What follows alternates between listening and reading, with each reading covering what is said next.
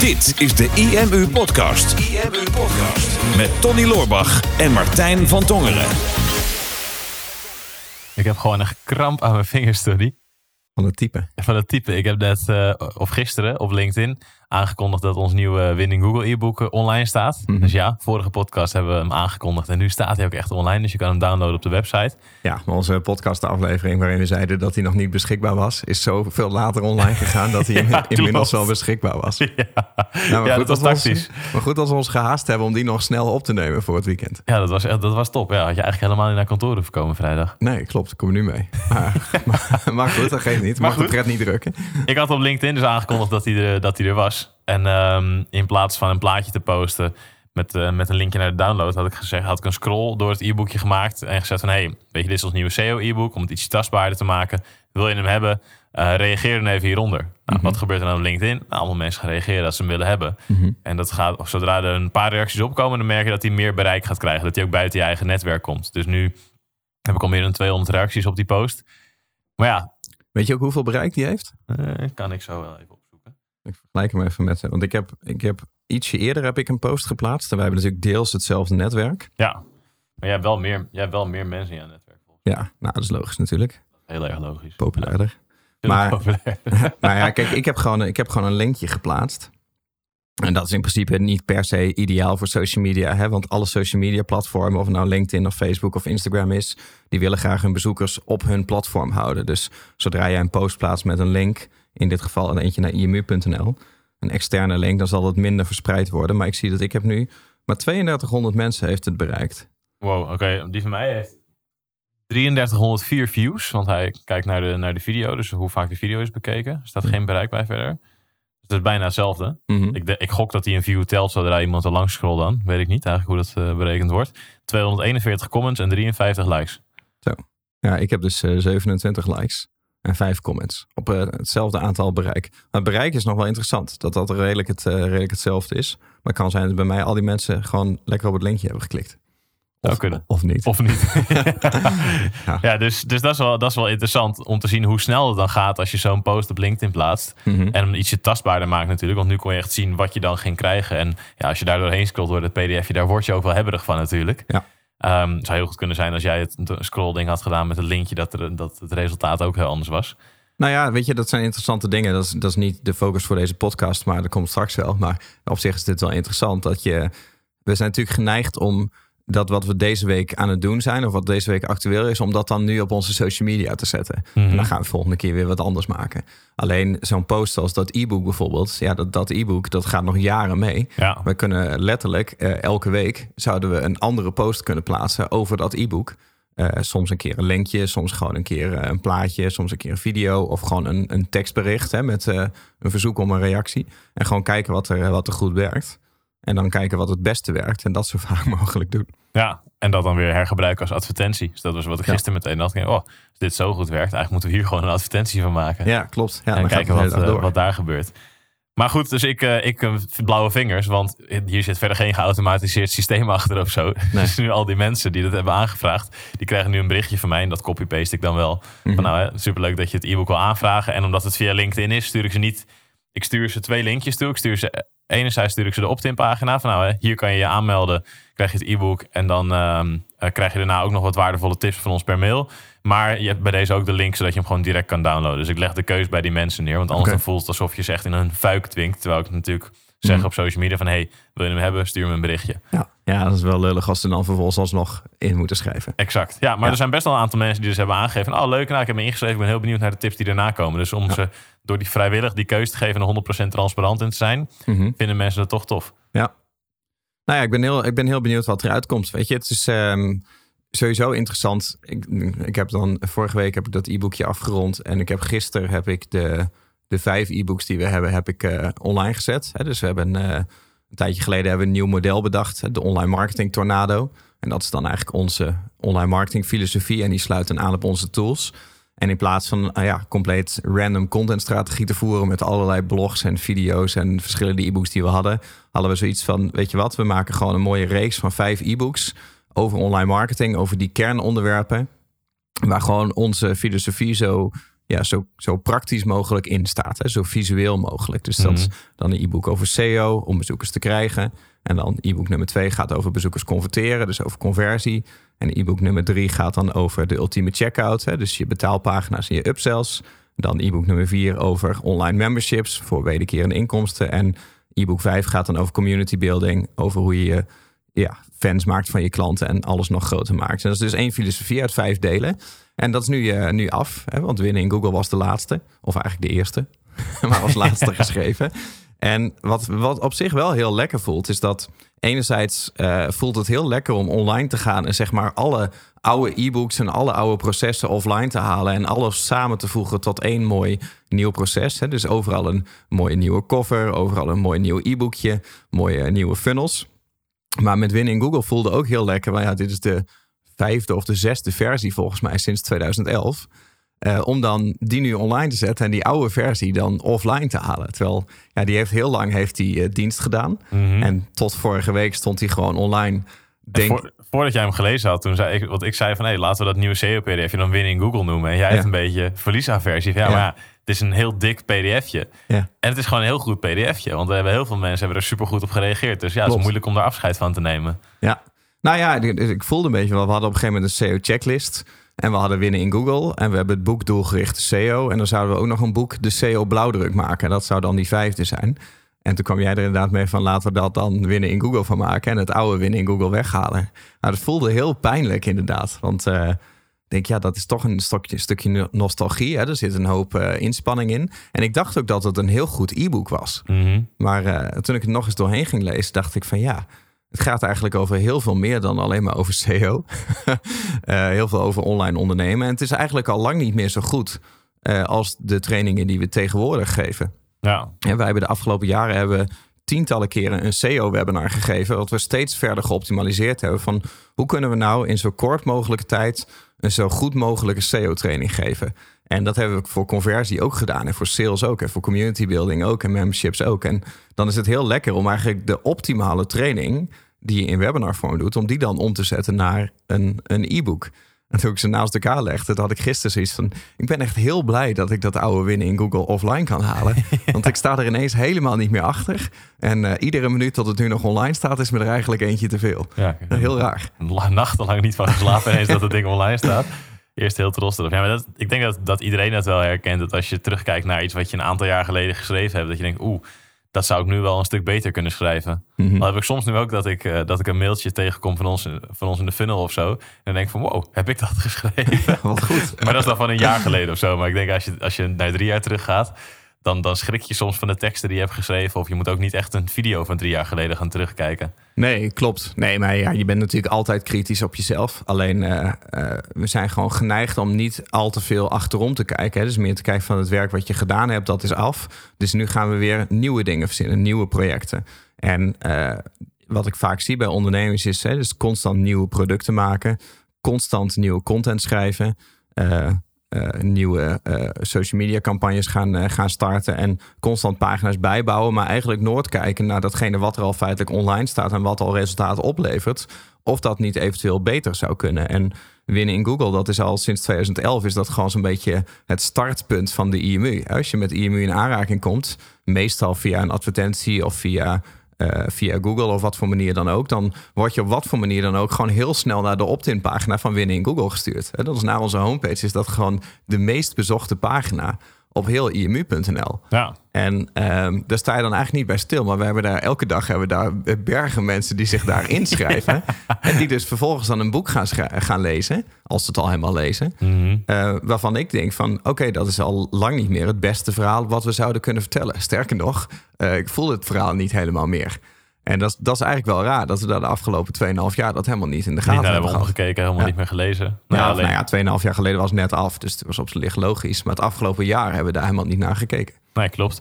Maar op zich, weet je, dat, dat is natuurlijk ook weer het verschil. Wij zijn alweer een, een stap verder, een niveau verder. Maar heel veel mensen die het aanvragen, voor hen is het nog steeds heel erg relevant. En raken er, eh, raken er wellicht door geïnspireerd. Dus Ja. maak je geen zorgen over die 10.000 mensen die er ondertussen langs zijn gekomen. Hè, Kom maar nee, goed. ik eh, zal mezelf ermee in slaap houden. Ja. Precies. Maar- Maar het is wel een mooi concept om, om bij stil te staan als ondernemer, als je al wat langer bezig bent. is om te kijken van wat zijn nou de dingen die voor mij het beste hebben gewerkt. Of het belangrijkste onderdeel van mijn business eigenlijk zijn. En daar is veel meer focus op te leggen. Mhm. Dus jij hebt het nu gedaan met, met die e-books natuurlijk. En Winning Google eh, weer helemaal verbeterd. Maar we hebben het ook gedaan met onze funnels. Dat van ja, iedereen die zich inschrijft voor Winning Google, Mhm. die komt allemaal door dezelfde funnel. Maar die funnel die is, is ooit een keer snel gemaakt. Mhm. En daar gaan al die mensen gaan daar doorheen. Dus laten we daar eens eventjes echt goed de tijd voor nemen. Mhm. Om eens uit te denken van welk pad willen we nou dat een bezoeker bewandelt? Wat voor waardevolle content willen we diegene geven? Om uiteindelijk te kijken, is die persoon wel of niet een match met ons bedrijf? En daar nu veel meer tijd in gestoken dan wat we, denk ik, in zijn totaliteit de zeven jaar daarvoor hebben gedaan. Ja, nou ja, de, de strategie die we van oudsher altijd hadden was... eh, meestal hadden we niet een, eh, een autoresponder... maar was gewoon je download win in Google. En dan krijg je win in Google. Dat was dan de funnel. en eh, dan eh, kwam je gewoon op de mailinglijst... en dan stuurden wij gewoon mailtjes met... eh, wat we die week allemaal aan het doen waren. Dus ja, als, je, als we toevallig midden in een productlancering zaten... en het je was deadline dag... Ja. en je schreef je in op deadline dag... ja, dan kreeg je twee uur later kreeg je een mail met... dit is je laatste kans, hè, bijvoorbeeld. En eh, als je al twee of drie jaar op de lijst stond... Ja, dan kreeg je diezelfde mail ook. En dat zijn we natuurlijk al wel gaan aanpassen. En, en dan gaan terug beredeneren van nou, hè, die verschillende producten die we hebben. Dus Phoenix voor SEO en conversie. eh, Plug and Pay voor eh, payments en upselling. eh Huddle voor community building en membership sites. Van nou, als we die producten nou willen neerzetten. Wat voor onderwerpen horen daar dan bij? En wat voor content zouden we daar dan over willen geven? Dus dan bouw je dat veel verder terug. En funnels en landingspagina's zijn eigenlijk iets wat je gewoon altijd wil testen en wil optimaliseren. Dat vergeten wij ook nog wel eens om onze splittesten te laten Mhm, draaien. Maar ja. ja. dat is gewoon het verbeteren wat je al hebt. Maar eh, in principe ook gewoon de manier waarop bezoekers bij jou, bij jou binnenkomen. Hè? Dat is dus niet constant op jacht gaan naar nieuwe methoden om op nieuwe manieren weer aan bezoekers te komen. Dus bijvoorbeeld eh, de elke dag op je Instagram inloggen en elke dag denken: wat zal ik nu weer eens gaan posten? Ja. Eh, voor weer, om weer dezelfde mensen te laten liken en weer dezelfde mensen te laten reageren. Hè, dus, dus niet de bezigheidstherapie, eh, maar gewoon kijken van wat zijn nou echt de gerichte methoden om de juiste bezoekers te krijgen die ook daadwerkelijk iets bij me kopen. Ja, eigenlijk moet je kijken, wat, wat is nou echt de kern van mijn business? En wat is de kern van een bezoekersflow voor mijn business? En dat is bij ons inderdaad, iemand komt op een bepaalde manier met ons in aanraking. Download dan een van onze vijf e-books. En tot voor kort was dat één e-book. Vanaf daar komt de funnel en dan moeten ze ons product gaan kopen. Ja. Dus dan is het heel erg logisch dat je dat kernproces, dat daar verreweg de meeste aandacht naartoe gaat. Want ja, als er duizend mensen binnenkomen in zo'n funnel. En aan het eind van die funnel kopen uiteindelijk 10 mensen kopen een product. Maar wij passen iets aan in die funnel, waardoor er ineens 15 of 20 mensen een product kopen. Ja, dat is gewoon een verdubbeling van de business. Ja. En dan hoef je niks te doen aan meer Instagram posts of meer LinkedIn posts of wat dan ook. Maar alleen maar dat verbeteren wat je al hebt. En veel minder bezig zijn met, het, eh, met de eendagsvliegpolitiek. Ja, klopt. Ja, is dat een woord? Dat heb ik net verzonnen. Oké. Nou, Ik moet denken aan mijn sessie op het IMU-event toen ik het had over de Content Bakery. En ik zei van ja, eigenlijk wat de meeste mensen... Toen vroeg ik, hè, wie heeft er wel eens een uur besteed in een Instagram-post? Nou, gewoon, denk 95% Ja, van de mensen, hun handen ging de zaal... eh, zo ging de zaal omhoog. Ging de van de zaal- zaal, ging de handen Ja. omhoog. Maar ja, dat is natuurlijk eendagsvliegpolitiek. Want je, je post iets en daarna is het weg. En je hebt heel even bereikt. En je hebt er heel even iets mee, be- mee bereikt qua likes en qua comments. Maar Mhm. 9 van de 10 keer, of zeg maar 99 van de 100 keer, of 909 van de 1000 keer, haal je daar geen business uit. Of is het alleen maar een streling van je eigen ego? Dus wil je focussen ook daar weer op je kerncontent. Mhm. Ehm, dus blogs, podcasts of YouTube-video's. Maar met de kernprocessen van je business wil je ook kijken: oké, wat is nou echt het allerbelangrijkste in mijn business? Waar mensen al, waar eigenlijk iedereen die met mij in aanraking komt, moet door deze flow heen gaan. En dat continu blijven verbeteren. En dat zijn de processen die wij nu ook continu aan het verbeteren zijn. Ja. Nou ja, ik merkte dat gisteren. Dat, eh, gisteren ging de mailing eruit, geloof ik, hè, voor, voor het e-book. Ja, En eh, weet je, dat, dat boekje schrijven, dat ging in ongeveer drie dagen, inclusief eh, vormgeven. Dus was, dat zijn we nu aan het testen om die extreme focus even in te bouwen. Gaan we, of daar hebben we het al een keer over gehad. Ja, Ja. In de vorige Ja, podcast twee podcasts geleden. Ja. Dus echt gewoon drie dagen volledig vrij nemen. In drie dagen een e-book schrijven. Dat was niet zo moeite. Want dan zit je er helemaal in. Ehm, en oké, ik had het voordeel natuurlijk dat we al heel vaak over SEO geschreven hebben. Dus ik kon een hoop hergebruiken. Maar toch. Maar toen ging gisteren toen ging die, eh, die pagina online en het mailtje eruit. Dus ik dacht, ik zet het ook even op mijn LinkedIn en op mijn eh, Instagram. Daar ben ik echt lang mee bezig geweest om zo'n, om zo'n post te plaatsen. Ja. Omdat je met zoveel dingen rekening houdt voor de engagement van, van dat moment. Hè, de, de visual van, eh, van dat moment. En denk, ja, op een gegeven moment ben je daar inderdaad bijna een uur mee bezig om even een vermelding te maken van dat wat er online is gegaan. Maar ja, eh, nu heeft dat al bijna geen effect meer. En volgende week zijn die posts alweer zo'n beetje uitgespeeld. Ja. Ja, als we daar een advertentie van hadden gemaakt, was dat inderdaad veel logischer geweest. Je kan ook veel beter eigenlijk één hele goede post maken. En die maximaal promoten, zodat iedereen dat te zien krijgt. In plaats van constant speldenprikjes uit te delen in de hoop dat er eentje viraal gaat. Ja, klopt. En dat is natuurlijk ook wel een interessante. Want heel veel mensen die spenderen inderdaad heel veel tijd aan het creëren van iets.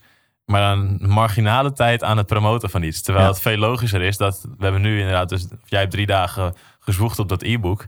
Dat er ook minstens drie dagen tegenaan gaat Ja. om promotiemateriaal ervoor te schieten. Want ja, dit is een van de belangrijkste stukken van onze business om leads te verzamelen. Dan moeten we er ook voor zorgen dat iedereen in ondernemend Nederland dat te zien krijgt natuurlijk. Dus daarom gaan we straks natuurlijk ook video's opnemen.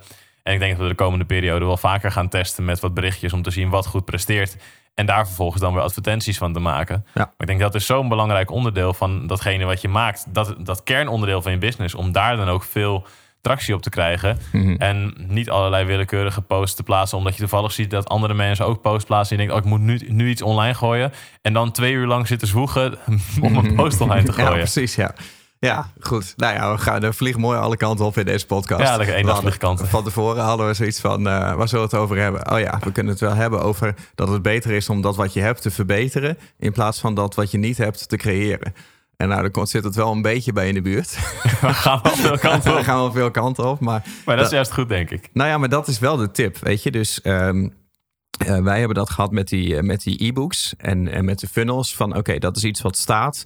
Eh, daarvan gaan we kijken van, eh, zou dat niet veel beter kunnen? Want het levert ons letterlijk elke dag resultaten op. Maar wat als we dat met een procentje of misschien zelfs maar met 0,1% kunnen laten groeien? Hè? Wat betekent dan dat, dat dan op lange termijn? En ehm, dat doen we ook met eh, bijvoorbeeld SEO. Hè? Dus, dus nou, in Winning Google leer je dan hoe je je content optimaliseert. Eh, met keywords en met interne linkstructuren en met backlinks en allerlei verschillende manieren eigenlijk om je website uit te breiden. En om beter te gaan scoren met de content die je schrijft. Alleen wat we vaak vergeten is om te gaan kijken naar de content die al op je website staat. Wat daar beter mee zou kunnen. En ehm, daarvoor kan je natuurlijk gaan kijken in eh, ja, Google Search Console. Hè, van hoeveel bezoekers krijg ik nou feitelijk naar mijn website en via welke zoekwoorden komen die. Dus dat kan je via Google Analytics kan je dat natuurlijk deels ook zien. Maar via Search Console kan je net een stapje verder kijken. En dus je ziet niet alleen de bezoekers die je hebt gehad, maar je ziet ook de bezoekers die je hebt gemist. Ja. Hè, dus eh, hoe vaak ben ik weergegeven op een bepaald zoekwoord? En hoe vaak hebben mensen daadwerkelijk op mijn resultaat geklikt? En kijk, wanneer jij op de eerste pagina of op de eerste positie staat, dan kan je daar niet heel veel aan verbeteren. Hè, dan kan het alleen zijn dat bijvoorbeeld nog Google eh, Ad eh, advertenties boven je staan. Maar stel nou dat jij erachter komt dat jij op plek 4 in Google staat of op plek 5 op een bepaald zoekwoord. En je krijgt daar daadwerkelijk bezoekers uit. Ja, dan is het natuurlijk heel aantrekkelijk om te kijken of je dat artikel waarmee je scoort niet kan verbeteren. Zodat je misschien wel een plekje omhoog gaat, of twee plekjes of, of drie plekjes. En heel vaak eh, scoren wij zeg maar per ongeluk in Google. Hè? Ja, dus we hebben gewoon iets geblogd uit de losse pols. Helemaal geen rekening gehouden met SEO. En dan vervolgens zien we achteraf dat we via een aantal verschillende zoektermen gevonden worden met dat nieuwe artikel. En dan zit er heel vaak eentje bij die potentie heeft. Eh, en dan kunnen we daarop gaan optimaliseren. Ja, precies. En, en dat is dus interessant, omdat dat veel minder tijd kost. En veel minder creativiteit kost ook. Ja. ehm, om voor elkaar te krijgen. Dan dat je weer een heel nieuw artikel moet gaan scoren. Mhm. En met een volledig nieuw artikel is het vaak ook weer moeilijker om een hoge positie te krijgen. ehm, om nieuwe mensen te bereiken. Terwijl als je inderdaad kan zien van nou, daar score ik op plek 5 of wat dan ook. En, ik- en je stopt twee uur in de optimalisatie daarvan. En dan ga je ineens naar plek 3 of plek 2 of plek 1. Mhm. Ja, dat is natuurlijk een enorme impact. Dus kijken naar wat je hebt en dat, dat gaan verbeteren. Dat zorgt voor veel meer groei dan alleen maar nieuw, nieuw, nieuw, nieuw, nieuw. Ja. Ik merkte ook bij, bij ons, hè, we hebben het nu over SEO gehad, over funnels, over de e-books. Een van de grootste bottlenecks voor onze business, of een van de grootste uitdagingen die wij blijven houden, is goed personeel vinden. Hè, capabel personeel, wat ook nog sociaal is en binnen onze cultuur past. En denk, ja, hoe zit dat proces? Ja, ook nog sociaal. ook nog sociaal. Ja, Maakt mij niet zoveel uit. Nee, dat maakt jou niet zoveel uit. Alleen voor, eh, voor de rest van het team is dat wel belangrijk. Ik ben niet bijna nooit. Wel mooi, hadden op, eh, op eh, ja, je bent steeds minder inderdaad. Meer van die diepe focusdagen. Nee, maar dat was wel grappig. Een van de programmeurs kwam naar mij toe op het event. Want daar waren, waren onze jongens natuurlijk ook. En er was dus een van de klanten was naar, naar, naar toe gekomen. En die zei van, ja, hey, wie zijn nou eigenlijk jullie programmeurs? Want jullie zijn allemaal veel te chill. Dus jullie kunnen geen ja, al die gasten. dus Zo ja, is dit nou een compliment of is dit nou geen compliment? Ja, dat, al die developers die stonden daar bij elkaar. Maar goed, dat is natuurlijk onderdeel van onze cultuur. En voor ons is het belangrijk dat, dat developers ook begrijpen wat onze klanten willen, waar wij in willen met de marketing, et cetera. Maar ja, goede developers vinden die ook, eh, ook sociaal zijn, dat is best een uitdaging soms. Ik denk, hoe, ziet, hoe ziet ons sollicitatieproces eruit? Hoe zien onze vacatures eruit? Je merkt ook bij onze online marketing vacature. Er komen steeds vaker eh, mensen op af die niks kunnen, maar ook niks willen leren, maar ook niks willen doen. Mhm. Dus die komen vooral voor zichzelf en zo snel mogelijk willen ze uit uitvoeren Ja. en aansturen. Klopt. Ja. Dus ik dacht, ja, wat, waar, waar, waar zit dat dan nou in? Dus dan, ook daar ga je kijken naar het proces. En nou, dat begint bij een goede vacature. En dat begint bij een goede advertentie voor die vacature. Dus in de dagen dat jij in de diepe focus zat om het e-book te schrijven... ben ik in de diepe focus gegaan om aan onze vacatures te werken. En Mhm. heb ik video's geschoten op kantoor met verschillende teamleden... om beter weer te geven wat mensen hier kunnen verwachten... zodat we daar ook weer betere mensen mee kunnen aantrekken. En in plaats van mensen nu ehm, een mail te laten sturen met een cv en een motivatiebrief... waarop we altijd wel heel veel berichten krijgen. En dat kost ook weer tijd van ons team, die gewoon super algemeen zijn. Heb ik nu een formulier erachter gezet, waarop mensen zelf moeite moeten doen. Mhm. En ons meteen beter leren kennen. En wij op basis van het formulier echt al een goede inschatting kunnen maken. Heeft het voor ons nut om hier tijd in te stoppen? Want het kost zoveel tijd om goede Ja. mensen aan te nemen. Klopt. Ja. Ik weet nog wel die week dat wij op een gegeven moment... Wij hebben toen Joost en Danielle aangenomen. Mhm. En wij hebben die week dan echt iets van 25 sollicitatiegesprekken gehad volgens mij. ja. En er waren er uiteindelijk waren er drie die naar de tweede ronde gingen. Dat waren Joost, Danielle en nog, en nog een andere jongen. Maar ik denk dat waren dus gewoon 22 gesprekken. Ja, maar op zich, gewoon, dat is wel interessant eigenlijk. Hè? Want kijk, als we het over eh, conversieoptimalisatie hebben. Dus bijvoorbeeld we eh, willen tips geven over hoe kun je nou zorgen dat je meer leads en klanten uit je website haalt. Dan over het algemeen geven we aan van maak het proces zo wrijvingloos mogelijk. Hè? Dus als jij een formulier plaatst, bijvoorbeeld voor een contactformulier of voor een offerteaanvraag, hoeveel te meer gegevens je vraagt, des te slechter het voor je conversie is. ja, En, en dat is ook zo.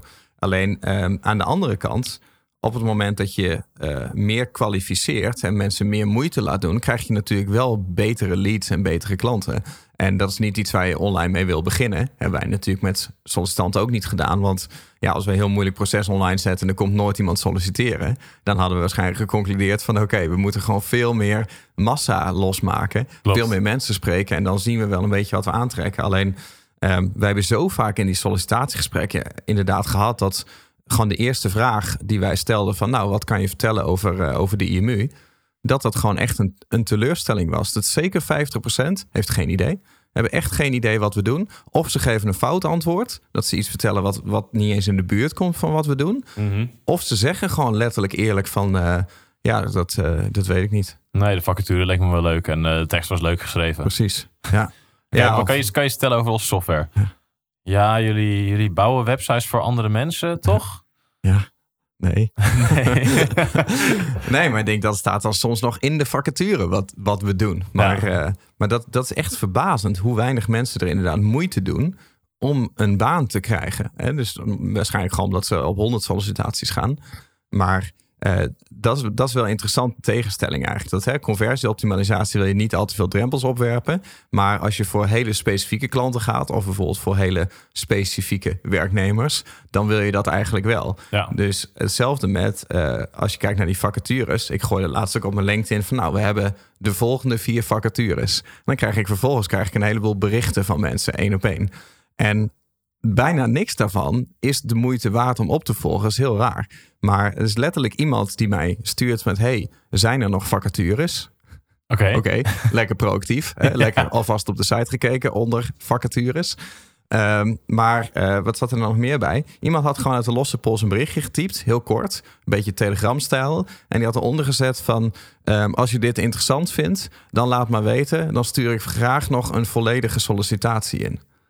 Dus er was Wow. meer een beetje een zaadje planten onder het mond van, nou, ik zet maar vast iets uit. En als het werkt voor mij, dan, Dan, ga ik er tijd in door. stoppen. Ja. En eh, dat is in principe wel de tip die wij in deze podcast geven. Van hè, ehm, zet, zet wat lijntjes uit. En dat wat werkt, ga dat verbeteren. ja. Weet je, SEO-technisch werkt dat heel goed. Ik kan me nog herinneren dat wij laatst, dat is misschien een ander onderwerp, maar het komt zo samen. Eh, dat wij een website wilden overkopen, Mhm. een tijdje geleden. Ja. En toen we in de, omdat die iets van eh 10.000 bezoekers per maand trok of zo.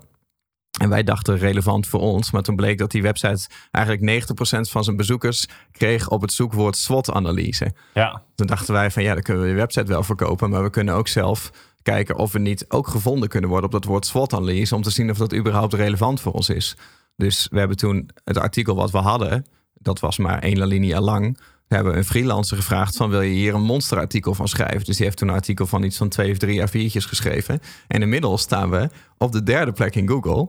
En eh, krijgen we gewoon heel veel bezoekers via dat woord SWOT-analyse. Dat is interessant. Dus we hebben niet die website hoeven kopen, maar we hebben het zelf gedaan. Alleen voordat we nu verder gaan investeren in dat artikel van bijvoorbeeld, we zouden nog een video opnemen over de SWOT-analyse. We zouden nog afbeeldingen bij inzetten. We zouden interactie opwerken. We zouden er backlinks naartoe gaan plaatsen om die eerste plek te veroveren.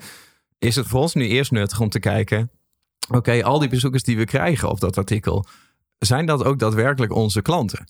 Ja. Hè? Of zijn dat alleen maar studenten? Die moeten opzoeken wat de SWOT-analyse is. Precies, die een Ja. verslag aan het schrijven zijn. Dus eh, daar werkt zeg maar die strategie heel goed. Van, hé, je zet een lijntje uit, vervolgens ga je kijken in je statistieken van... hé, wat levert mij op dit moment op? Dat ga je verbeteren. Maar alleen als het je zeg maar niet alleen bezoekers... maar ook daadwerkelijk business oplevert. Dus daar werkt de strategie heel goed. Alleen als je gaat solliciteren... dan zou ik dat niet op zo'n manier Nee, dan moet je wel laten zien dat je echt, echt moeite erin stopt. Ja. Nou, we- weet je, er luisteren best wel veel mensen naar deze podcast. Die weten dus, wij zoeken Ja, wij zoeken. een online marketeer voor ons klantsuccesteam. Toffe office manager en eventueel developers. Dus ken jij iemand in je omgeving waar je denkt... oh, die past echt goed bij, die, eh, bij Tony en Martijn? Laat het eventjes weten natuurlijk. Ja, en dit zijn natuurlijk wel de leukste mensen van Nederland die hier naar luisteren. Dus misschien... Klopt, je mag ook zelf solliciteren. Maar weet dan, eh, weet je, eh, tuurlijk, wij willen jou graag overtuigen waarom je bij ons zou moeten werken. Ik vind dat in sollicitaties is dat altijd tweerichtingsverkeer. Zeker. Maar ehm, het begint er wel mee dat jij in ieder geval aantoont dat jij daadwerkelijk heel graag bij ons zou willen werken. En specifiek bij ons en niet willekeurig ergens. dus dat is toch wel in sollicitaties. Doe er een beetje moeite voor, weet je. Denk er eens over na van hoe kan ik nou opvallen tussen al die sollicitaties. Dat als iemand mijn sollicitatie ziet of leest, dat is iets heeft van oké, dit is echt een leuk iemand die, die nu al heel erg betrokken is bij mijn bedrijf. Ja. En dat komen we niet zo heel vaak tegen. Nee, helaas niet. Nee. Maar dat stukje specifiek, dat, er- dat hoort ook weer bij optimaliseren van de business natuurlijk en van de website. Want Ja. wees specifiek, waarom moet jij er voor ons zijn of waarom zouden wij jou moeten uitnodigen? Ik denk dat is eigenlijk hetzelfde wat een bezoeker op een website denkt of een bezoeker op een salespace denkt. Van ja, waarom Mhm. moet ik bij jouw bedrijf, bij jouw business zijn? En als ik zie hoe vaak ondernemers een website of een pagina online gooien zonder daar echt gewoon goed in geïnvesteerd hebben en durven specifiek te zijn, durven een bezoeker aan te spreken. Ik denk dat is ook weer een tip die je daaruit kan meenemen. Van wees specifiek naar je bezoeker toe. En kijk eens naar het belangrijkste proces wat je hebt staan. En snijd het ook echt hout. Is het Mhm. logisch voor iemand die daarop komt, die jouw ideale doelgroep is, dat hij echt denkt: ja, dit is voor mij, hier moet ik zijn en hier ga ik me op inschrijven? Of is het meer een stukje algemeen bla bla en heb je klantenservice hoog in het vaandel staan en ben je Ja, een familiebedrijf al sinds Wat 1975? vreselijk, ja. ja, nou ja ik, weet, ik weet hoe moeilijk dat is. Wij hebben ook eh, een aantal pagina's op onze website gehad... die gewoon altijd in de top 10 staan van meest bezochte pagina's. Waarvan denken, ja, die moeten we eigenlijk nog een keertje pimpen. Dus, dus en dat is heel menselijk. Alleen, eh, ik heb wel gemerkt deze week, hè, door met dit soort processen bezig te zijn... het geeft je gewoon een heel erg opgeruimd gevoel. Hè? Je haalt gewoon een hoop oude meuk offline... Je maakt er gewoon eh, iets moois, eh, iets nieuws van. En je, en je meet het ook door en je ziet ook gewoon meteen het resultaat. En ja, het is een beetje van alles en nog wat podcast geworden. Misschien moeten we hem ook zo noemen. De van alles en nog wat podcast, deze aflevering. Ja, wees vooral niet te specifiek. Ja, maar de, de, de, de rode draad is denk ik wel duidelijk. Hè? Dus kijk naar wat je hebt. En verbeter datgene wat daadwerkelijk belangrijk voor je business is. Dus wat is nou de kern? Waar haal je nou überhaupt je klanten uit? Of nog beter gezegd, waar haal je nou je beste klanten uit? Of waar haal je je beste bezoekers uit? En hoe zou je dat gewoon constant kunnen verbeteren... in plaats van dat je de hele tijd bezig bent met nieuwe dingen creëren... nieuwe dingen online gooien... en dat je nooit eens een keertje achterom kijkt.